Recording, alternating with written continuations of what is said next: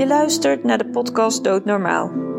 Ik ben Winnie Bos van Doelawijzer en in deze podcast ga ik in gesprek met professionals die met de dood in aanraking komen en hoor je persoonlijke verhalen over het levenseinde. Um, ik zit vandaag aan tafel met Rahayu Trachsma. Um, en wat jullie gewend zijn van deze podcastaflevering is dat ik altijd begin met de vraag: Ik heb jou uitgenodigd en daarop zei jij ja. Maar bij Rahayu ging dat iets anders, want zij heeft zichzelf uitgenodigd. en ik voelde daarbij een ja. Dus um, mijn ja, die klopte. Uh, maar ik ben wel heel erg nieuwsgierig. Waarom heb je jezelf uitgenodigd? Nou, bedankt voor de vraag. Ja. ja dus ik krijg de vraag weer even terug. Na twee weken ontmoeten wij elkaar bij toeval in dezelfde ruimte. Dus wij kenden elkaar daarvoor helemaal niet. Ik hoorde jou vertellen, ook niet rechtstreeks tegen mij, maar tegen een andere persoon of een collega volgens mij van jou, klopt dat? Uh, waar je mee bezig bent. En ik ving daar flarden van op. Uh, en ik hoorde dat je met een podcast uh, bezig bent waarin het bespreken van de dood of de eindigheid van het leven centraal of een plek mag hebben. Dat triggerde iets waarbij ik dacht van nou, ik wil niet jouw gesprek afluisteren, maar ik dacht van ik werd getriggerd en werd nieuwsgierig van wauw, de dood mogen en kunnen bespreken uh, op de leeftijd uh, waarop ik zit. Ik ben begin 40 en um, ik leef met de dood. Heel recentelijk. En uh, iedere dag, iedere, nou, ieder uur is de dood voor mij een thema wat, wat zo in mij is gaan zitten, omdat ik ongeneeslijk ziek ben. En toen ik hoorde dat, dat jij hiermee bezig was, voelde ik het lef opborrelen. Mm, oh, mooi. Ja. om, uh, om te staan. Om, mm -hmm. um, of ik zeg te staan, maar eigenlijk om uh, te bestaan. Ik ben daar op mijn eigen manier dagelijks mee bezig, wat ik net al zei. En ik dacht, wauw, Rahayu, uh, grijp deze kans. yeah. Stap op jou af. Kende je naam ook niet toen we in diezelfde ruimte waren. Stap op jou af en zeg gewoon: Ik heb net iets opgevangen en ik ben nieuwsgierig. Als het over de dood mag gaan, in mijn geval op de, ja, deze leeftijd, dan zeg ik ja, uh, uh, leer mij kennen. Dat is eigenlijk mooi. wat ik voelde. Hoor mij, nou, leer mij kennen, maar misschien ook wel uh, hoor mijn verhaal. Ja, ik heb een verhaal. Want we hebben toen ook even heel kort gesproken, hè, want dat vind ik dan zelf dat even fijn van oké, okay, ik mag dan ook die ja voelen. Want ik, mm-hmm. voor mij was dat helemaal nieuw dat ik ineens, ik werd uitgenodigd, ja. zeg maar. Dus dat, dank je wel voor die ervaring, want dat is ook alweer heel bijzonder. En ik geloof niet zozeer in toeval. Ik denk dat het zo heeft mogen zijn dat wij elkaar mochten ontmoeten. Ja. en dat ik jou de ruimte mag geven om je verhaal te doen. En daar ben ik ook heel dankbaar voor, want ik denk dat het heel bijzonder is dat jij je kwetsbaarheid durft te tonen. Want zo op de leeftijd waarop je zit, lijkt het me ook niet gemakkelijk voor je omgeving. Uh, ja. om, om hiermee ja. dagelijks geconfronteerd te worden. Dus kun je daar iets over vertellen? Hoe, dat, uh, hoe is dat voor je omgeving? En in welke omgeving begeef je je? Nou, ja, wie staan er om mij heen yeah, in, deze, in deze situatie? Yeah. Ik heb een gezin en ik ben getrouwd met Joris.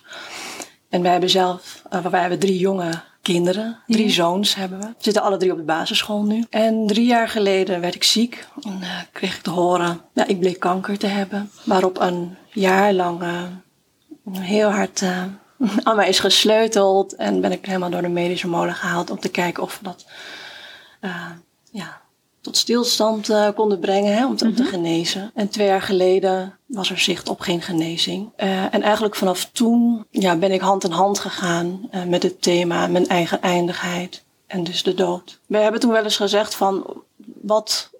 Kijk, dit gun je niemand. Dat even nee. heel, heel duidelijk. Nee, nee, zeker niet. Maar wat bijzonder dat dit gebeurt op een tijdstip dat we zo vol en zo midden in een enorm sociaal leven staan. Mm -hmm. uh, Joris en ik werken allebei. Ik werkte ook voordat ik ziek werd. We, hebben, uh, we hadden toen een, een peutertje van yeah. twee.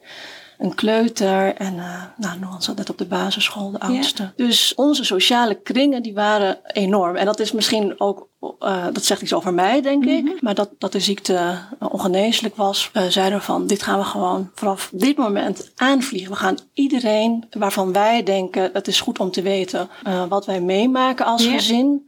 Uh, gaan we hierin betrekken. En niet alleen uh, familie, uh, echt naaste vrienden. Nee, we gaan gewoon van, dit is, dit is deze emmer ellende is over ons heen gekomen. En je kan zeggen van, oh, uh, ja, gaat niet uh, de vuile was buiten hangen. Weet je, dat is ook wel zo'n beeld wat van, oh, dit overkomt ons en dat gaan we stilhouden. Nee, dit is gewoon, dit kan je dus blijkbaar overkomen in zo'n vol en sociaal leven. Dit was mijn, of is mijn situatie, doe er wat mee. Dat kan ik, uh, dat kan ik wel zeggen over waar begeef ik me in? Die staan er om ons heen. Wat ik hoor is dat je eigenlijk een bekrachtiging haalt uit toch wel iets wat helemaal niet zo mooi is. Hè? Wetende oh. dat het einde daar kan zijn, waarvan je oh. ook niet weet wanneer. Waarin je wel voelt dat dat in een gezamenlijkheid gedragen mag worden. Ja, dat klopt. Hoe heb je, ben je je omgeving gaan betrekken? Mm, ik denk dat het op als ik nu zo op terugkijk, hè, dus twee jaar, drie jaar, eigenlijk drie jaar. De eerste stap was misschien wel erkenning, te erkennen dat het is zoals het is. En daar kan je heel veel van vinden. En er popt ook van alles op van wat, wat ik er ook van vond. Naast bagger, ellendig, verdrietig. Uh, dus, dus dat die hele stroom van uh, verdriet en ellendigheid. Van, hè, of de vraag waarom wij of waarom nu? Of uh, hè, we zijn compleet als het gaat, voelt het compleet in het gezin. we zitten goed op de rit met werk. En je wilt allerlei stappen nemen richting de toekomst. En mhm. help me even nou, terug naar je vraag hoe je je omgeving hebt aan het betrekken bent oh, ja, sinds dat moment dat je... Nou, dat, dat, dat het is begonnen voor mij om, om te erkennen wat is, hoe het was, dat dat zo is. En niet, niet in een soort van eenzame hoek te gaan zitten van... Uh, ik wilde eigenlijk de mensen om mij heen uh, deelgenoot laten zijn van wat wij meemaakten als gezin. Dus en naast dus de, angst, de, uh, het verdriet, de, de, planning van behandelingen en operaties, dat ik ook dacht van er moet, er moet gewoon een kant zijn aan, aan dit lot of aan deze ziekte of aan mij, waarbij ik mensen kan verbinden met mij en daardoor met ons gezin. Ik heb toen de, de vraag gesteld, of iemand heeft die misschien wel gesteld, uh, een verpleegkundige of uh, iemand die ik in het hele traject sprak, die me hielp, van wat gaat jou helpen? Ja. Ga op zoek wat jou gaat helpen. En toen dacht ik van, nou, die ziekte, die heb ik. En ik heb een gezin. Ik, ik los het wel op met die ziekte, maar het vangnet wat ik nu ga maken, is dat uh, mijn gezin uh, opgevangen wordt. Hmm. En ik heb bijna een soort van, met een soort van lijst op tafel gezeten van wat kunnen mensen van mij overnemen, zodat ik kan dragen wat ik moet dragen. En dat ik er kan blijven zijn voor de jongens. En voor mezelf ook. Ja, want zo'n ziekte sloopt ook natuurlijk jouw energieniveau, kan ik me zo voorstellen. Enorm. Dus ik, ik ben eigenlijk meteen in een soort van uh, ja, een beetje om lachen als ik het zeg, door regelmodus gegaan. Met die vraag van wat helpt mij um, om dit aan te kunnen. Mhm. En dan zo lang mogelijk, zo goed mogelijk vol te houden eigenlijk. Hè? Nou ja, dat kwamen hele praktische dingen uit. Uh, koken, boodschappen doen, de wasvrouwen. Andere vriendinnen uh, uitnodigen om een verhaal te kunnen delen. Zodat zij nog meer ja, persoonlijk betrokken zouden kunnen zijn. Maar ook ritjes, uh, hoe noemen we dat? Vervoer, school heen en terug. Dat zijn dingen of dat zou, dat, zo dacht ik er toen over, dat zouden dingen kunnen worden die andere mensen van mij kunnen overnemen. Waardoor ik de draagkracht ja, bewaar of verzorg uh, die ik nodig heb om uh, daar te zijn waar ik het meest uh, nodig ben of mijn hart ligt. Ja, het belangrijkst vind. Nou, en dat is wel, ik heb dat wel eens genoemd. Op, ik maak nu ieder jaar een verjaardagsspeech. ik ben ja. helemaal niet zo van speech opspreken. Maar ja, uh, dus ik heb nu al drie jaar een soort ja, verjaardagspraatje gehouden. Dan benoem ik ook het, het gouden netwerk, zeg maar. Het gouden netwerk aan hulp en uh, mensen om ons heen. Mm -hmm. uh, die om onze kinderen staan. Maar ook mensen die mij soms helemaal, of onze kinderen helemaal geen connectie met elkaar hadden. Maar die zeiden van, Rij, ik heb gehoord uh, dat jullie iets kunnen gebruiken. Waar, wat, waarin, waarin kan kan je hulp van mij gebruiken? Yeah. Uh, dat ben ik allemaal, ja, hoe zeggen dat? Ja, in kaart gaan brengen. Yeah. En, uh, en yeah. daarin heel erg me, uh, gaan voelen van wat helpt mij? En is, is helpen, het huishouden overnemen, is, is, is dat, een, dat is een vorm van helpen, denk mm -hmm. ik. Maar ook, ja, gewoon luisteren. Me de ruimte geven om te uh, om te delen wat er, wat er is. Ja, ja en om, om die weg af te mogen leggen in, mm. in het dragen van de ziekte. Dat is nu doe, je werk eigenlijk geworden. Ja. ja, en is het dan zo, hè? want ik hoor je heel erg, je zegt zelf, ik ben in die regelmodus gestapt, ik ben een lijst gaan maken. Ja. Eigenlijk heel praktisch, heel hoor, praktisch. Ik je, hoor ik je zeggen, heel praktisch zo op een rijtje zetten waar beweeg ik allemaal en waar zou een ander voor mij kunnen bewegen? Zo klinkt het een beetje. Ja. Werd dat ook de uitvoering of werd de uitvoering uiteindelijk toch anders? Want ik kan me zo voorstellen dat je misschien zelf een beeld in je hoofd hebt hoe het zou kunnen dat je hulp kan ontvangen. Maar hoe werd de werkelijkheid? Uh, nou, dat, dat heeft verschillende fases gehad, denk ik. Uh, namelijk die eerste stap van uh, wat heb ik nodig en dan dat omzetten in praktische mm -hmm. taken. Mm -hmm. dat liep op een gegeven moment en dat loopt nog steeds. Uh, maaltijden, die mensen voor ons koken of brengen. Maar ik moet ook even denken, ik ben er heel erg mee bezig. Maar op een gegeven moment als mensen je dan weer op het schoolplein bijvoorbeeld zien.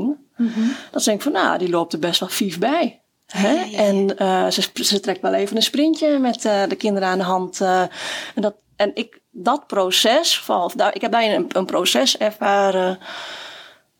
Dat vond ik heel ingewikkeld. Dus er van buiten eigenlijk best wel uh, gewoon yeah. best heel oké okay uitzien. Yeah. En dat het van binnen zo anders kan voelen yeah. uh, waar, wij dagelijks, waar ik dagelijks mee te dealen. Ja, want zij zien je ja. natuurlijk maar voor die momentopname. En dan lijkt het allemaal ja. nog zo fantastisch en oké. Okay. Ja. Maar ondertussen, hè? Want ze zien niet wat jij al die andere 23 uur in de dag, zeg nee. maar, uh, van nee. doen hebt. En hoe dat dan bij jou thuis gaat. Ja, dat vond, dat vond ik heel uh, ingewikkeld. En dan ook, ook daar zo in zoeken van... Mm, moet je mensen die eten komen brengen een updateje steeds geven? Of mensen die de kinderen thuis komen brengen, moet ik dan ook niet in de deuropening staan en even ja. iets vertellen? Of, uh, oh, het, ik vond dat heel ingewikkeld. En ik heb wel eens een opmerking gemaakt met een vriendin van, nou ja, als je naar het schoolplein gaat, doe gewoon even lekker een poedertje op, weet je. Gewoon even, nee, een poedertje dan zeg maar, ja. een wit poedertje. Dus dat je er slechter oh, uitziet. Ja, zo van, omdat het dat beeld dan klopt, iets van de ziekte of iets van. Het moet wel zichtbaar zijn dat je ja. ziek zijn, klinkt het een beetje. Ja, en ik weet nog, ik, ik, ben, ik zit hier nu uh, voor je met een grote bos haar, maar ik ben ook kaal geweest. Nou, ik, ja, ook in mijn gezicht en mijn hele lijf heeft. Uh, nog wel anders uitgezien dan dat ik hier nu zo ja, voor je zit. Vast. Ik weet nog het moment dat, dat de arts zei van uh, je krijgt een combinatie chemotherapie waarbij je haar gaat verliezen. Dat ik toen, dat er toen een moment was dat ik ook dacht van, hè hè, uh, zo, dan is het lekker duidelijk. Oh ja, en dat, ja, en ik vond, dat vond ik heel ingewikkeld, want ik was toen en dat ik dacht van, oh jee, spannend, oh dan wordt het heel duidelijk. Ook voor mensen die mij niet kennen. Maar dat er ook iets vreemd genoeg dacht van, hè hè, nou dit, dan heb ik gewoon, het is gewoon zichtbaar uh, voor iedereen uh, wat er van binnen gebeurt. Terwijl dat natuurlijk helemaal nog niet vertelt. Nee, want het enige wat ze zien is je hebt een kaal hoofd. En wat zegt dat dan? He, want er zijn ook heel veel mensen die die ziekte hebt, hebben dat ja. je kaal bent. Ja. Ik bedoel, dat zou het dan ook ja. kunnen zijn. Dat je die ziekte misschien ineens gekregen heeft. En dat het geen kanker ja. dus het is interessant hè, dat mensen een soort... Eh, wat ik je eigenlijk een beetje hoor zeggen, een soort bewijs of zo willen hebben. Van dat het echt wel zo mis is als dat het mis is. Ja, je zegt dat andere mensen dat bewijs willen hebben. Ik heb ook dat ervaren, oh, ja? dat ik dat oh, bewijs had. En dat er ook mensen, en dat, die, die mensen heb ik echt in mijn hart gesloten, die zeggen van, weet je, uh, ik kook gewoon omdat ik dat over heb. En ik dat graag voor jou wil doen. En als jij behoefte hebt om even iets te vertellen over, over jezelf, prima. Uh, neem die ruimte, maar ik verwacht niet die ruimte. En die, ja, die groep mensen, zeg maar, op die categorie, als, als iemand er zo in kan staan, ik doe iets voor jou omdat ik, of omdat diegene dat zelf iets geeft ja, ja, ja, of brengt. En uh, iemand heeft de tijd of uh, emotioneel de ruimte voor uh, iets weg te geven. Of fysiek, hè, of mm -hmm. tastbaar de ruimte om iets weg te geven. Ja, dat, dat voelt heel, dat voelt voor mij heel vrij. Maar daar heb ik enorm mee geploeterd. Dat, ja, dat kan ik me voorstellen. Voordat je dat allemaal zo kunt. Want het gaat heel erg over ontvangen. Hè? Kan je alles wat je dan dus krijgt, ja. kan je dat ontvangen? Dat is denk ik één kant. En tegelijkertijd bevest, geeft het jezelf natuurlijk ook een bevestiging, kan ik me zo voorstellen. Dat je erkent bij jezelf dat je niet meer alles kan. Ja. Ja. En dat is natuurlijk ook wel heel confronterend. Dat is heel confronterend. En het is mooi hoe je het beschrijft, want het was gisteren nog. Uh, nou, even als voorbeeldje van die maaltijden. Ja, ja, ja. maakt niet uit. Ik zie lang niet alle mensen die voor ons koken. Soms uh, schuiven nee. mensen het onder de heg door. Oh, okay. uh, soms gaat het uh, via mijn man die het dan nog vanuit zijn werk ergens ophaalt. Soms brengen mensen het bij mij in de voortuin en dat ik het dan zelf op een tijdstip daar wegpak. Dus ik ontmoet niet alle mensen in die logistiek. En dat geldt ook voor mijn huishouden. Ik ben even de ja, geef iets kwijt. Over het erkennen in jezelf dat je dan dus... Ja, ja. ja dat ik gisteren op, op de parkeerplaats bij school stond. En ik kreeg daar uh, uh, de maaltijd van gisteren, van mhm. gisteravond. En dat ik dan in hetzelfde moment dankbaarheid voel van dankjewel uh, vader van, vader van de klas. Wat heerlijk. En ook de warmte in zijn blik, zeg maar. Of de hartelijkheid in zijn blik van hè, geniet ervan en mm het is voor jullie. Dat geluk van mogen ontvangen naast de pijn van het zelf niet kunnen. Dat dit is dus nodig is. En ik, ja. het ontroer of het raakt me ook als ik het dan weer zo uitspreek. Die gevoelens of die dualiteit. Ja, dat is het, die dualiteit die daar Van dat dat er tegelijkertijd is. Van En de hartelijkheid van het, en het mogen en leren ontvangen. Want ik heb ervaren dat, dat, ook een, dat het een leerproces is om te kunnen ontvangen. het is bijna een levenscursus, toch? Ja, ken ik ook hoor, want ik ben er ook heel slecht in. Ja, maar dus het is dus wel, wel mooi hoe je dat zegt. Er zit echt een ongelofelijke dualiteit in het proces waar je in zit. Ja. Omdat het natuurlijk wat je krijgt continu je een spiegel geeft over dat wat er misschien niet meer is of minder is, of wat de status dan ook is. Maar iedere keer weer als je dan iets ontvangt, krijg je die spiegel. Oh ja, want dit, dit komt omdat, ja, het is toch eigenlijk niet zo heel erg oké met mij. Nee. En, en dit is toch echt nodig, zodat ik ook kan zijn met dat wat er in mij gebeurt. Hè? Dat mijn lijf gewoon niet meer zoveel kan. En dat ik, ja. Nou ja, dat ik energie nodig heb.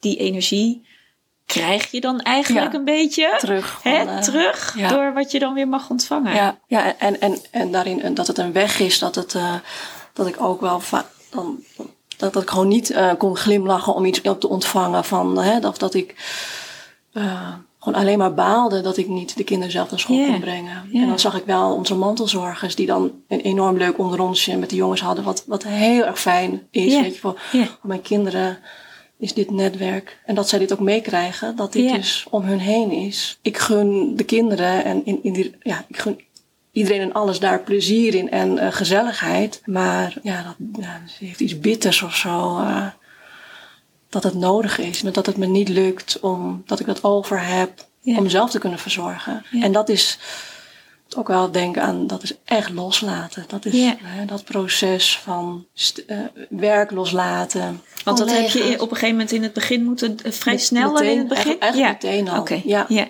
Dus um, uh, het werk loslaten. ik heb het wel eens met iemand gehad over dat, dat het toch voelt alsof toch iets van je identiteit ja, afglijdt of loslaat. De rol, als je nou, ik moet aan denken aan rollen, hè, of, mhm, mhm, die, die, we in het leven hebben. Ja. Rol van uh, partner, moeder, uh, vriendin, schoolmoeder of uh, een bekend gezicht van school, mijn werk, maar ook in, in de familie, de dochter. En dat, dat alles komt, staat te wankelen. Alles komt van, van wat blijft er van me over? Wat blijft er van Rahayu over? als steeds meer van die lage, ja, uh, vervagen. Dus ik, ik verlies een, ik heb niet het gevoel dat ik, dat ik echt dingen al verloren ben. Maar dat ik wel voel dat ja, dat vervaagt. Ik heb gemerkt van als, als, als er iets vervaagt of als er iets verandert, dan kan er ook iets nieuws ontstaan. Hey, En een vriendin van mij, Roos, die heeft dat eens toen in die hele, die hele beginfase genoemd van... er gaat voortdurend van alles dood. Ja, ja, maar dat is ook echt zo. Ja. Daar staan we als mensen niet bij stil. Maar eigenlijk in ieders leven, of je nou wel of niet de eindigheid heel kort daarbij hebt. Als je kijkt überhaupt al gewoon naar je lijf. Ik bedoel, eh, zie hoe je ouder wordt. Ik bedoel, ik denk niet dat we iedere dag stilstaan bij het feit dat er in ons lijf altijd iets afsterft. Maar dat is wel wat er gebeurt. Want kijk naar vijf of tien jaar eerder in je leven. Dan is is je lijf echt niet meer zoals die was. Nee. En dan ben je nog steeds in goede gezondheid. Ja. Hè? Dus iedere dag, dus het is zo waar. Iedere dag gaat er iets dood. Ja. En ook, zij zei ook van, ja, gewoon ook buiten, de hele natuur. Maar ook uh, een gedachte. Ergens aan denken of, uh, of een emotie. Ook dat is veranderlijk. En iets doormaken van, uh, ja, ja, vergankelijkheid of zo. Mm. en toen dacht ik, want toen ik met haar erover sprak van, er gaat voortdurend van alles om ons heen uh, sterft af of is in verandering en laat los. Ik weet nog van dat gesprek dat ik dacht van ja, het gebeurt, het gebeurt, er gebeurt nu iets in mij Mhm. met dat thema, maar het gebeurt eigenlijk voortdurend. Ja, als je, als je zo naar kan kijken, naar een, een, zwaar onderwerp of een zwaar, ja, Ja. Dan is het best wel, eh Ja. kan het ook heel licht. eh, Ja, en is het een zwaar onderwerp? Hè? Dat vraag ik me altijd af. Want we weten natuurlijk allemaal dat er in ons het leven is een einde, heeft een eindigheid. Altijd. Weet je, er is nog nooit een mens onsterfelijk geweest. Alleen we weten nooit wanneer dat moment er Ja. is. Alleen jij wordt nu in de bloei van je leven geconfronteerd met het feit dat het ineens heel erg dicht voor de deur staat. Ja. En dat is natuurlijk iets dat wij in de wereld waarin we leven denken dat dat pas gebeurt als je, Mhm. nou ja, grijs, krombejaard en, eh, nou weet ik veel, misschien in een zorgcentrum zit. Ja. Hè, maar we, we worden natuurlijk eigenlijk in de dagelijkse dingen van de dag, ik bedoel, trek een krant over, kijk naar het Oh. nieuws of maakt niet uit waar je kijkt, dan zie je dat eigenlijk de dood altijd er kan Oh. zijn. Of je nou jong bent of oud of klein of groot. Dat, Ja. maakt, dat, dat maakt eigenlijk niet uit, want die kan, er, die kan altijd om de hoek komen Ja. kijken. En wat ik jou heel erg hoor zeggen is, en je hebt een keus om te kijken voor jezelf wat je nodig hebt om ermee om te gaan. Ja, ja ik, ik, wil, ik wil even een voorbeeld noemen op eigenlijk een gebeurtenis. Eh, mijn moeder is zeven jaar geleden. Zij was chronisch ziek. Dus wij, wij kenden als gezin. eh, ja, wij zijn opgegroeid met een chronisch zieke moeder. En dat heeft best eh, nou, gevormd in wie we, mijn broers en ik, wie, ja, wie we zijn geworden, denk ik. Maar haar, eh, haar dood. Er is altijd tegen haar gezegd vanuit eh, de artsen van, nou ja.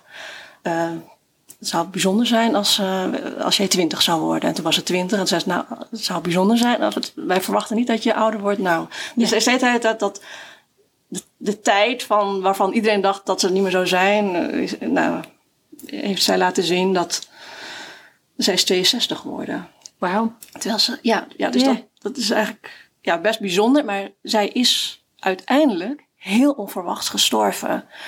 Waarbij wij als ehm ouderlijk gezin geen afscheid van haar kunnen nemen.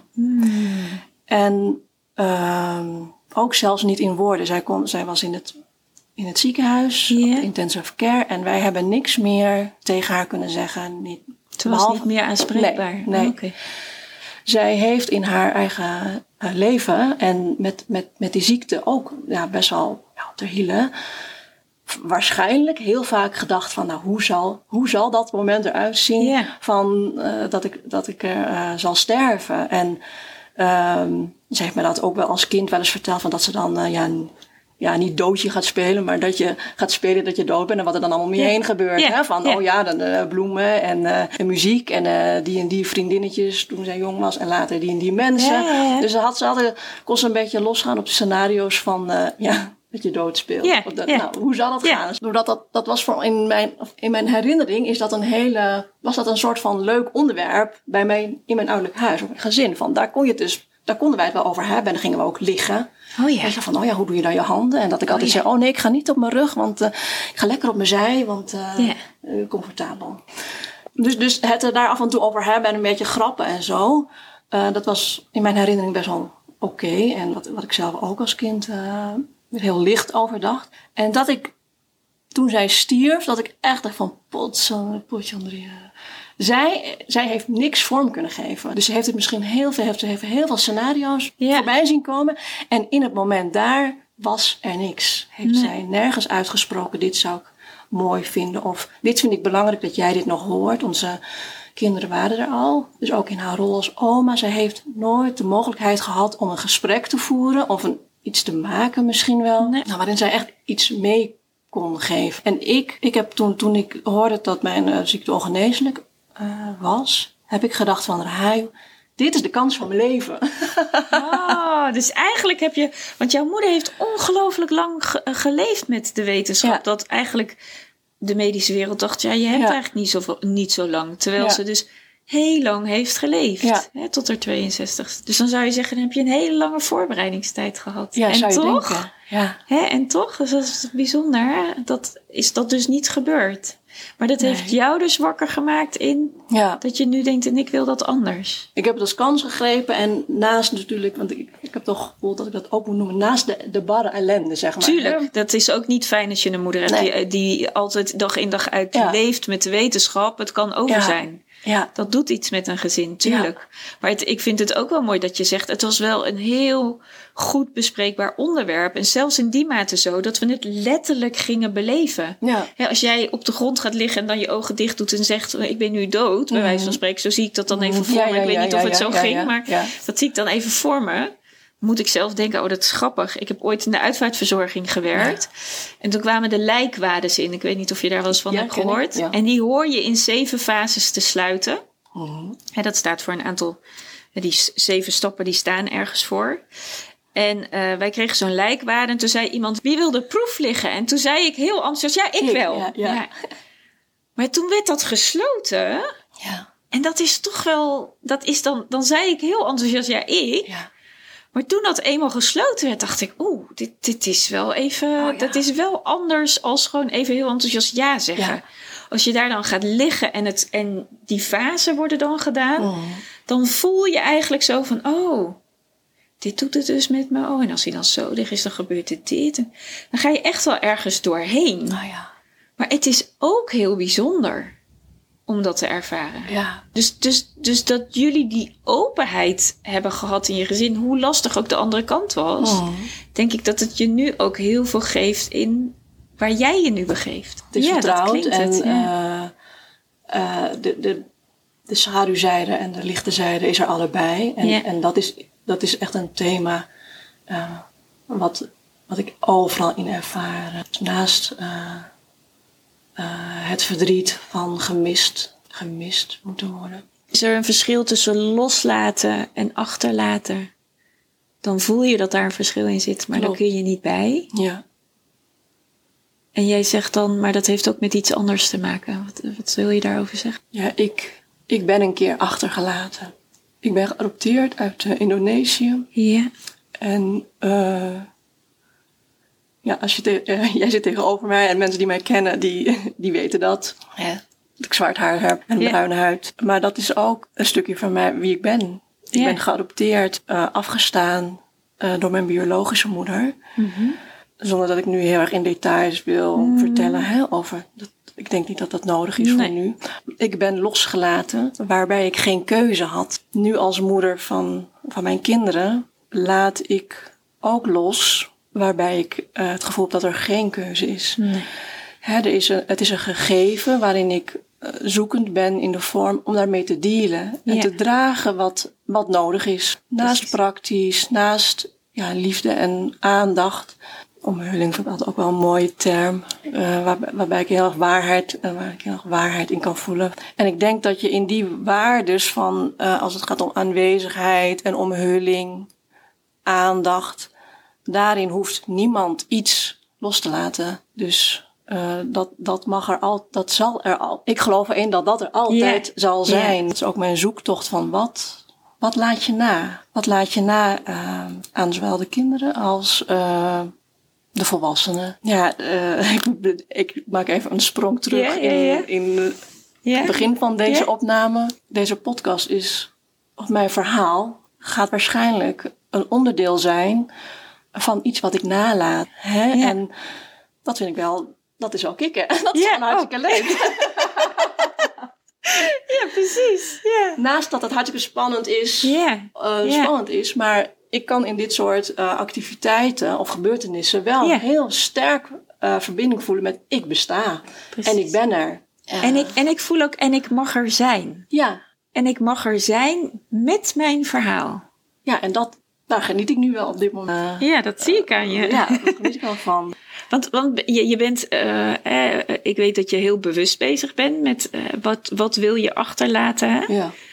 Eh, kun je eens wat dingen opnoemen waarmee je bezig bent, wat voor jou belangrijk is, wat je wil achterlaten? Ik heb gezocht naar mijn eigen bronnen van inspiratie. Waar, waar word ik blij van? Wat is voor mij voedend? En kan ik daarin de kwaliteit vinden of kwaliteit creëren die mij in, een, in dit proces gaan helpen? Wat voor mij, eh, ik vind, ik heb wel altijd muziek gespeeld. ik heb altijd gezongen omdat ik het leuk vond. Niet omdat ik denk van nou, ik heb echt een wereldstem en dit moet mhm. iedereen horen. Mhm. Nee, ik heb me altijd heel prettig kunnen uiten van jongs af aan in te zingen. En ik ben ehm, ik ben gaan schrijven. En, en dat een, een, een, kunstzinnig schrijfproces noem ik het maar. Uh, en soms is dat een beetje dagboekachtig en soms is dat een beetje mijmerend. Een van die, met een van die teksten ben ik naar iemand toegegaan uh, die ik vanuit het Meander kende. En hij heeft een, uh, hij heeft een band. En ik heb gewoon gezegd van, ik heb een tekst. Uh, wil, durf jij met mij in zee om uh, hier iets van te maken? Wat misschien mogelijk een plek gaat krijgen in mijn uh, nalatenschap. En daar heeft hij ja gezegd. En dat liedje, ik heb een, dat is nu een liedje. Oké. Dus dat was, dat was er is nu muziek. Er is nu muziek. Oké, oh mooi. Ja, dus en dat proces, ik geloof erin dat dat helend is. Hmm. ja. en dat contact en hoe we daarmee bezig zijn geweest. Uh, we hebben het nu een paar weken geleden opgenomen, ook in de studio. Oh, dus het is echt, het voelt rond, uh, rond en kwetsbaar. En dat, dat is er op een gegeven moment. Yeah. En vriendinnen die kunnen daar af en toe hartstikke nieuwsgierig naar zijn. En dat is ook, het is ook betrokkenheid. Yeah, hè? we, leven zo, we leven zo in een, nou ja, in een cultuur van delen, delen, delen. Hè? Foto's delen, informatie delen. En bij dit stuk, uh, bij, bij, dit proces, dat, dat, daarbij voel ik van, dat mag nog heel erg dicht bij mij blijven. Dat mag nog niet naar buiten. Nee, nee. nee. En, uh, maar dat gaat wel komen. Ja, ja, ja. ja. ja ik weet nu nog niet wanneer. Uh, en, zo, en er is nog een project waar ik mee bezig ben. Wat denk ik van, nou, ik ben gewoon nu dingen aan het maken, aan het vastleggen in beeld, geluid en schrijf of schriftelijk. Daar geniet ik van. Uh, om dat te mogen creëren, dat, ja, dat, geeft, dat geeft mij zoveel. Uh, en als ik daarmee bezig mag zijn of daarmee bezig ben, uh, ja, dan ga ik, dan ga ik gewoon, hoe zeg je dat? Ja, dat, ja, dat vind ik heel erg van hele grote waarde voor mij om dat te doen. Ja, want uiteindelijk, tenminste zo kan ik er naar kijken, is het eigenlijk ook, je, je laat iets achter voor, voor je kinderen en je man en hoe, wie er ook meer omheen staat, zeg maar. Maar ik kan me ook zo voorstellen dat het een proces is van cadeautjes geven aan jezelf omdat je ineens ook een soort reflectie op je eigen leven krijgt. Of over wie je werkelijk bent. En wie maakt wie Rahau is. En, en, en wat dat dan allemaal inhoudt. Hè? Ja. Normaliter staan we natuurlijk in de bloei van ons leven. Je ja, bent bezig met de, de, dagelijkse dingen van de dag. Je gaat naar je werken, je komt thuis. Je, we, we, zitten in zo'n, nou ja, je kunt het sleur noemen. Maar nou ja, misschien is het geen sleur. Maar je zit in de dagelijkse dingen van de dag. En hoe vaak sta je daar dan bij stil? Ja, dan, dan, dan, natuurlijk zijn we dankbaar voor de dingetjes die we mm-hmm. tegenkomen. Zeker wel. Ja. Maar ik denk dat dit wel een andere vorm van dankbaarheid heeft of zo. Waarin je dan ja. bezig bent. Hoe duaal daar ook weer, hè, hoe duaal dat, dat ook wel weer is. Ja, ja het is, uh, ja. Ik, heb, ik, ik zeg wel eens van, ik omarm het. Het gegeven dat ik dit aan het vormgeven ben, uh, daar, zit verdriet, uh, daar zit verdriet in. Dat het me lukt om het zo vorm te geven dat het me echt in het proces iets geeft, daar geniet ik enorm van. Maar het kan ook tegelijkertijd, dat is die dualiteit van dat ik denk van ik, ik gooi de microfoon van de tafel, want wat zit ik hier nou te vertellen? Of ja, uh, doe je Winnie met je podcast dood gewoon, nee dood gewoon in zelf. Dood normaal is helemaal niet normaal. Nee, uh, nee, nee. dus dat, dat kan er tegelijkertijd zijn. Zeker. En, en ik, ik noem de term omarmen van ja, het, uh, het mogen uh, aankijken. Het mogen aankijken van uh, iets wat net ingewikkeld, moeilijk en verdrietig is. Ja. ja. ik, ik, ik, ik observeer het, ik trek het naar me toe en ik deel het. Ik, ik deel het en dat, is, de, dat is dit gesprek ja, ook is daar ook onderdeel van. Onderdeel. Hey, en waar ik me zo uh, in kan voorstellen voor de luisteraars, hè, waar die misschien wel nieuwsgierig naar zijn, die nou ja, wat ik in ieder geval heel erg merk aan mezelf, is dat ik denk van uh, uh, hoe in deze maatschappij het thema dood zo'n sluier heeft. En waarin jij eigenlijk die sluier eraf haalt en er mhm. gewoon mee op reis gaat. Want zo voel ik het eigenlijk. Ja. Uh, kan ik me ook zo voorstellen dat de luisteraars zich misschien afvragen van... oké, maar je bent dus al drie jaar ziek. Uh Je zit in een proces waarvan je niet weet wanneer is de eindigheid. Uh um, hoe zien jouw dagelijkse, hoe zien jouw dagen of weken eruit? Ik bedoel, heb, eh, met wie heb je te maken? Uh, waar word je daar in dat ziek zijn en mhm. hoe je daarin zeg maar je reis maakt? Mhm. Wat kom je, wie kom je daar allemaal in tegen? ik, ik, ik, lach omdat ik moet denken aan dat ik, dat ik gisteren nog tegen Joris uh, zei: Wat is mijn wereld soms klein? De afgelopen afgelopen week had ik mijn sociale afspraken waren deze week allemaal uh, kankergerelateerd. Mm Dus uh, ik heb een scan gehad woensdag. Uh, ik heb mijn uh, chemotherapie kuur gestart dinsdag. Was ik voor in het ziekenhuis. Um, uh, maandag bloedprikken en bij een andere therapeut nog even uh, in gesprek geweest. Dus ik was deze week drie dagen in het, in het ziekenhuis. Dat dan een vriendin even een, sms'je stuurt van, of een appje stuurt van zullen we koffie drinken? Dat ik zeg van ik kan gewoon niet eens koffie drinken. Ik kan niet een sociale afspraak maken, omdat ik gewoon drie dagen in het meander ben. En um, uh, en dan dus na die afspraak moet bijkomen. Ik, ik, ik, ik, slaap overdag. Yeah. Uh, Ik rust overdag. Uh, zodat als de kinderen thuiskomen, ik er weer voor hen ben. Mm -hmm. Dus mijn, mijn wereld is klein. En ik, ik, ik heb er inmiddels een soort van ja, liefdeverhouding mee. Met dat, dat te erkennen dat mijn wereld klein is. Mm -hmm. um, want ik ben deze week uh, maar drie keer op school geweest. Okay. Uh, in het halen brengen. Yeah. Terwijl dat normaal gesproken, nou ja, we hebben verschillende roosters, yeah, uh, onze yeah. kinderen.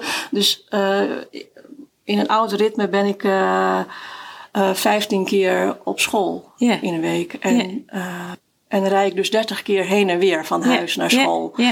En dat is nu gereduceerd tot drie keer. En dat ik dan, ik wilde dan heel erg van genieten dat ik op school ben. Omdat ik dan mijn kletspraatjes met uh, de andere ouders kan hebben. En van, joehoe, ik laat mijn neus even zien, ben er. En dat, dat dan tegenover de leerkrachten bijvoorbeeld. Dat ik dan, we kunnen even zo groeten op het schoolplein. Maar ja, mijn wereld is best wel heel erg klein. En dan, ja, mijn wereld is klein, maar wel, het is en fijn en moeilijk tegelijk.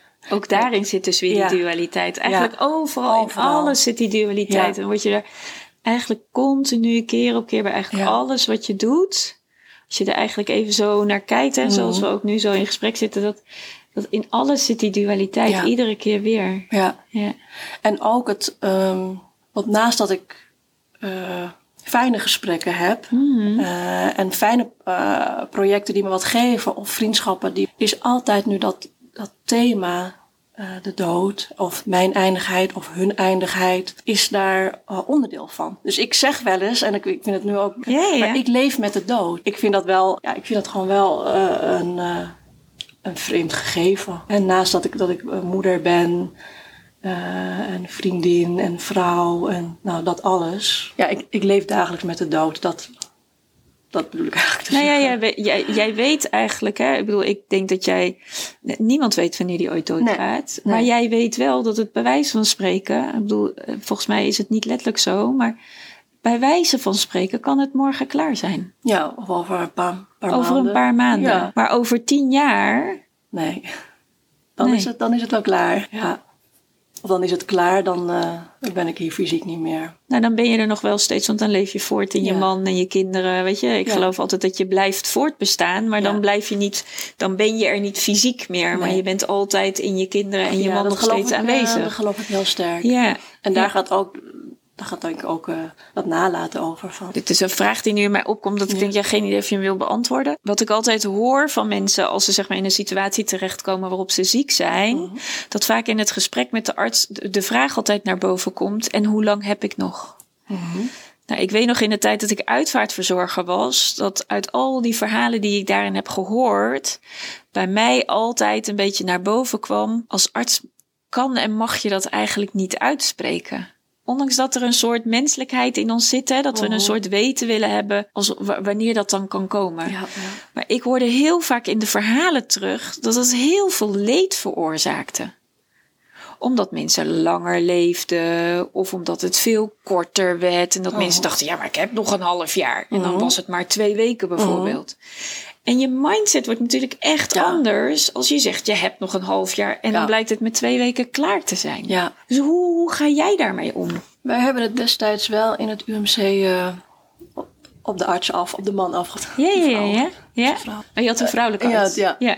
Eh, en ze zijn heel voorzichtig en terughoudend als het gaat om eh, met prognoses en een, een tijdspanne daarin aan te geven. En dan ineens word je ook niet meer een HAJU, maar dan word je een patiëntengroep. Ja, Eh, en dan komen de cijfers op tafel, snap ik. Maar je wil natuurlijk horen, Ja, ja. eh, hoe lang geven jullie mij? En, maar dat doen, ze, dat doen ze niet. Gaan ze, Nee. dat doen ze niet.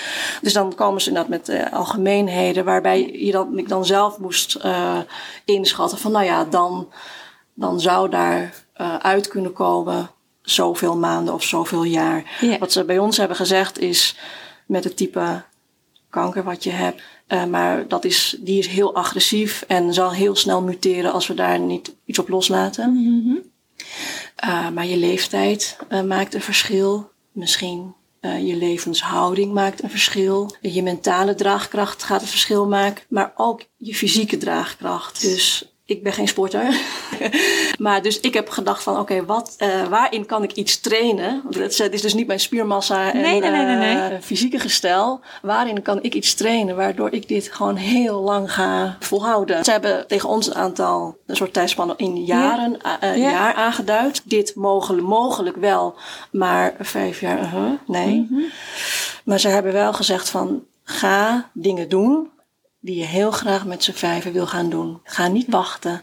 Ga datgene eh, verzorgen en eh, ondernemen eh, wat je heel graag wil doen. En toen zijn we een jaar lang echt in een soort van achtbaan gestapt van... Oké, wij vonden toen onze kinderen nog, op de jongste nog te jong voor de Efteling. Nou ja, dan ga je dus een week later naar de Efteling. En, nou, en iets heel bijzonders wat we hebben gedaan... waarvan mijn man meteen toen, bij, toen we aan, bij dat gesprek zaten... dat het eerste wat bij hem opkwam, dan gaan wij naar Indonesië.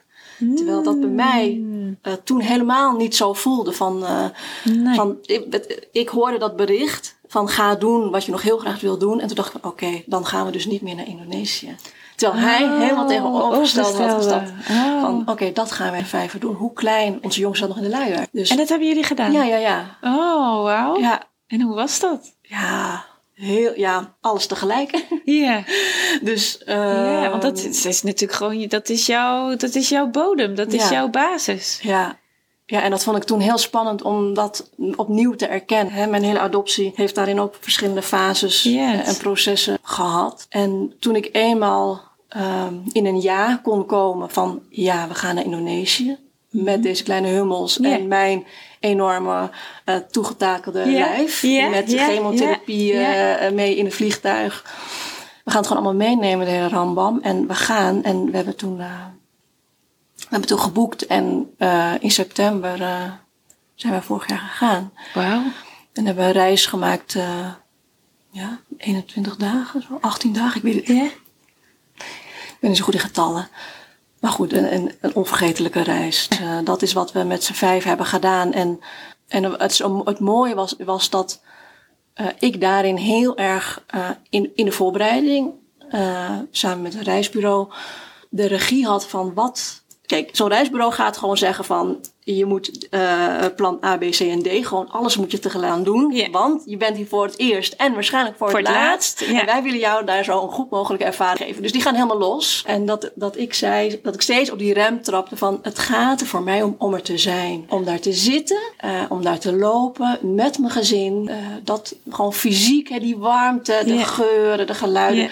Dat we daarin zo, ja, zo, hoe noem je dat? Ja, zo ontvankelijk en vrij en eh, open mogen ontvangen. En daar ging Ja. het om. En eh, niet omdat we de olifanten daar en de apen daar op, mee op de foto hadden gestaan. Nee. Nee. Ja, ik ben achteraf heel blij dat die artsen toen aan die tafel hebben gezegd van ga doen en voelen wat, jij nog, wat jullie heel graag met z'n willen doen. Ja. En dat dat toen een ja eh, naar voren is gekomen van ja, we gaan die reis met elkaar maken. En dat is natuurlijk ook wat, eh, ik had er nooit gedacht. En wat gaf het je voor gevoel om daar te zijn, op, jou, op de bodem van jouw roots? Ja, er waren natuurlijk heel veel mensen nieuwsgierig naar, dus ik snap deze vraag heel goed. nou, ik wilde er heel open in staan. Zon, dus eigenlijk zonder heel veel grote verwachtingen van hè, mensen die ik dan wel eens in televisieprogramma's uh, heb gezien, waarbij dan of een hereniging is, of dat mensen zich uitspreken over hoe het, hoe het is om, uh, op zo, om dan terug te gaan naar je geboortegrond.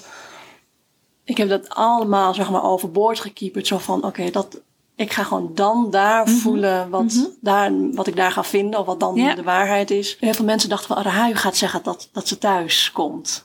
Oh, was, echt? Dat was, dat, dat, dat? Ja, dat was een geluid wat ik oh, veel okay. hoorde. Dat okay. veel mensen zeiden van, oh, je zal echt, nou, dat je dan, dat je dan gaat voelen dat je thuis bent. Maar ik heb daar uh, eigenlijk gevoeld dat dit, dat Nederland, mm, dat dat mijn thuis dat is. precies het omgekeerde. Ja, precies het omgekeerde. Ja, oh, wat mooi. Dus en niet sentimenteel van, oh, ik mis nee, thuis, nee, ik mis een comfortland nee. thuis of mijn huisje. Nee, ik, ik ben nu hier en ik heb sinds die reis wel een gevoel van een innerlijk thuis, uh, mm. zeg ik, benoem ik het liever van. Mm. Dus als, je, als ik me verankerd voel in mezelf, dan is dat punt thuis. En Precies. na die reis of tijdens die reis heb ik dat heel erg uh, mogen ervaren. Van, uh, het maakt dus voor mijn voeten niet uit op welke bodem ik sta. Nee. Of dat nou de zandgrond uh, van Jakarta is, de natte klei in Nederland. Yeah. Dat maakt dus niet uit. Nee, nee. Uh, ja, daar moet ik aan denken van, Yeah. van dat, heeft, dat heeft die reis mij gebracht. En het heeft mijn kinderen gebracht dat zij samen met mij die reis hebben gemaakt. Daar Yeah, naartoe. yeah. Ja, dat is wel, wel heel bijzonder om terug te kunnen kijken. Yeah. En weet je, die kinderen die, die, die, vinden, die, die, die hebben in de cockpit mogen zitten. Oh ja, dat Dat is helemaal fantastisch, Ja, weet je. De- we zijn er zelf. Ja. Ja, het was heel bijzonder om die reis uh, te maken. Naast ook de, de, de, de hoe noem je dat? Ook weer de, dubbelheid. Ja, ook weer de dubbelheid die daarin, ja, zit. daarin ja. zat. uh, ja, ik heb een kennisje hier uh, de- in Amersfoort die bij de KLM, of bij de KLM werkt. En die zei van jongens, uh, komt goed. Ga, geef het vluchtnummer maar. En, uh, Oh, echt? Ja, die heeft allerlei dingen daarin georganiseerd. Oh, zeg maar. echt? Oh, Ja. bijzonder. Heel bijzonder. Oh, wat heel bijzonder. Dus ook dat, zeg maar, van dat je dan denkt van wauw, zij heeft dat verzorgd. Hmm. Om, omdat ze daarmee iets aan mij of ons gezin geven. Van dit soort dingen ontstaan. Dus en dat ervaar ik voortdurend eigenlijk. Mhm. Eh, eh, dat mensen iets te geven hebben. En met mij of met het gezin in contact willen staan. Omdat zij daarin geloven dat dat goed is. Of eh, dat het waard, ja, waardevol is. Ja. Ik vind het wel mooi dat je zegt dat het maakt niet uit waar je bent, maar je bent thuis in jezelf. Ja. Dus dat heeft eigenlijk jou, die reis naar Indo- Indonesië, jou gebracht. Ja, en de reis van de ziekte. Ik interview Ja, ja, nou ja, dat was, ja, dat was bijzonder, want dat wilde ik er eigenlijk Ja? Ja. achteraan zeggen. Want dat merk ik heel erg in dit gesprek. Is dat ik merk dat jij ook heel erg door de ziekte inderdaad bij jou thuis bent, bij je eigen thuis bent gekomen. Ja. Dat dat het je ook heeft gebracht. Ja, En dat die je nu helpen in de reis die je nog voor je hebt. dat klopt. Ja. Dus die- Waarvan niemand weet hoe, wat, wie, waar en wat je daar allemaal nog in gaat doen. nee. Maar in, waar, waarin ik je wel heel erg heb gehoord dat je daar met ongelooflijk veel aandacht en liefde middenin staat om daarin nog te doen wat jij vindt dat belangrijk Ja. is.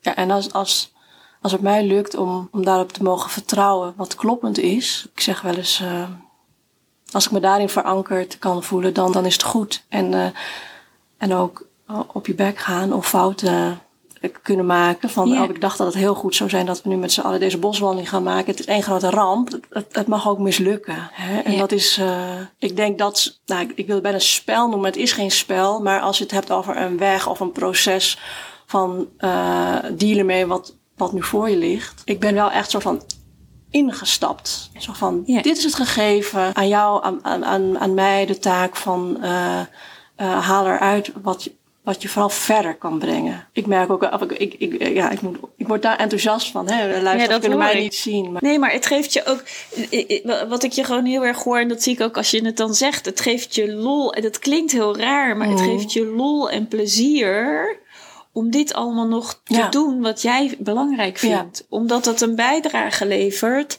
aan dat wat jij noodzakelijk vindt voor je kinderen en je man en eh, iedereen die nog om je heen staat. ja, ja. Want dat is waar het jou om te doen is. Ja. Dus, dus eigenlijk moest ja, ik leef met de dood. En ja, Ja. ik ga dood. Eh, jij ook Ja, trouwens. ik ook. Ja, ik ook. En ja, ik leef. Ja. Daar moet ik heel erg. eh, Ja. Precies. Dat komt heel erg in me op van. Ja, ik ben zoekend naar dat, dat gegeven is nu mijn ja, les of uh, richting. En daar mag speels mee omgegaan worden. Ja. en, en nee, het is niet leuk. En ja, het is schrijnend. En uh, het is onverdraaglijk voor mij ja. uh, dat mijn kinderen mij al zo jong los zullen laten. Dat, dat verandert daar helemaal niks aan. Maar nee. als, het, als de kaarten zijn geschud zoals ze hier nu liggen, dan ja, stap er met lichtheid. En maar ook serieus, want ik merk, het kan heel goed samengaan van neem serieus wat je te doen staat. En dat, nou, ik weet niet of ik een boodschap heb. Nou ja, ik denk die drie trap die je net zegt van ik leef met de dood. En jij gaat het gewoon volledig aan. Ja, ik blijf het maar zeggen. Van, dat, dat is prachtig. Ja. Dat, is, dat, dat, of dat laat zoveel schoonheid zien. Ja, uh, zeker. Schoonheid zien. Ja, dat raad ik, ja, dat raad ik iedereen aan. Die, yeah die hier op welke wijze misschien mee in aanraking komt. Of uh, dat je erover hoort of leest of ziet. Dat je dat spel mag gaan uh, uitvogelen. En, ook, en dat dat dus heel individueel is. Ja, ja, jouw verhaal zal nooit het verhaal van een ander zijn. Nee. Weet je? En ik denk dat alleen maar met jouw verhaal je mensen een beeld kunt geven dat als je ervoor kiest en Want het is, ik denk dat het echt wel een keuze is. Als je ervoor kiest om echt met de waarheid in zicht op reis te gaan. Ja. En te zeggen, ik leef met de dood. Mm. En daarin ga ik doen wat ik belangrijk vind voor mezelf, maar ook alles om me heen. Mm-hmm. Ja. Dat dat voor ieder ander die dat ook gaat doen, een totaal ander verhaal wordt. Ja. Maar volgens mij is dat een beetje jouw boodschap die jij hier eigenlijk Ja, want ik vind dat een beetje spannend ja, om ja, ja, ja. Nee, maar benoemen is, als boodschap. Ja, maar dat is eigenlijk wel de boodschap. Want jij zegt, hè, en dat vind ik heel mooi dat het uit jouw mond komt. Want ik zeg dat ook altijd. De dood heeft zo'n schoonheid. Ja. Want als je hem aandurft te kijken, dan krijg je er ongelooflijk veel voor terug. Ja. Maar het vraagt een ongelooflijke kwetsbaarheid. Ja om het echt aan te kijken en het te erkennen. Ja. En in jouw geval is het echt letterlijk zo te erkennen. En ja, die, die is dan dus echt heel dichtbij. Ja. Maar dat wil niet zeggen dat het dan per nu al direct ophoudt. Nee. Want dan is er is nog steeds leven. Ja, en zelfs geloof ik in dat het er daarna ook nog uh, door het zaadje wat ik heb geplant. Precies. Of, uh, en jij leeft dan op allerlei manieren nog voort in dat wat jij in je reis onderweg naar dat mm. einde hebt gedaan en daarmee ja. hebt achtergelaten. Nou, mooi om zo uh, elkaar over te spreken. Zeker. En, uh, ook heel verrassend. ja, ja, verrassend waar het dan heen gaat, hè? En waar het dan op uitkomt. Ja. Ik denk dat we het hierbij moeten mogen laten. Voel je dat ook? of wil je nog iets meegeven? ik voel van alles. ja, dat... en, en ik merk, en dat is misschien, ik ben, ik, ik geef het stokje door aan anderen om hierover oh, yeah. te praten. Ik, ben, yeah. ik voel heel erg drive om er ook, uh, om hier nu gewoon met jou aan tafel te praten, maar ik geef het stokje graag door. Dus ik, ik merk wel dat ik uitgesproken ben uh, en ik hoop. Uh, dat een ander het ja, voortzet. Dat een ander yeah. het voortzet. Dus, ja, dat vind ik een mooie. Nou, laten we het daarmee mee afronden. Ja, super. Ongelooflijk bedankt voor je openheid en je kwetsbaarheid. Ja, want die zijn er al, die voel ik allebei. Ja, ja, ja. mooi. Dankjewel. Jij ook. Je hebt geluisterd naar de podcast Doodnormaal. Mijn missie is om het levenseinde doodnormaal te maken. Elke vrijdag staat een nieuwe podcast voor je klaar. Volgende week praat ik met Nicolette Scholtens over hoe het leven en de dood naadloos met elkaar verbonden zijn.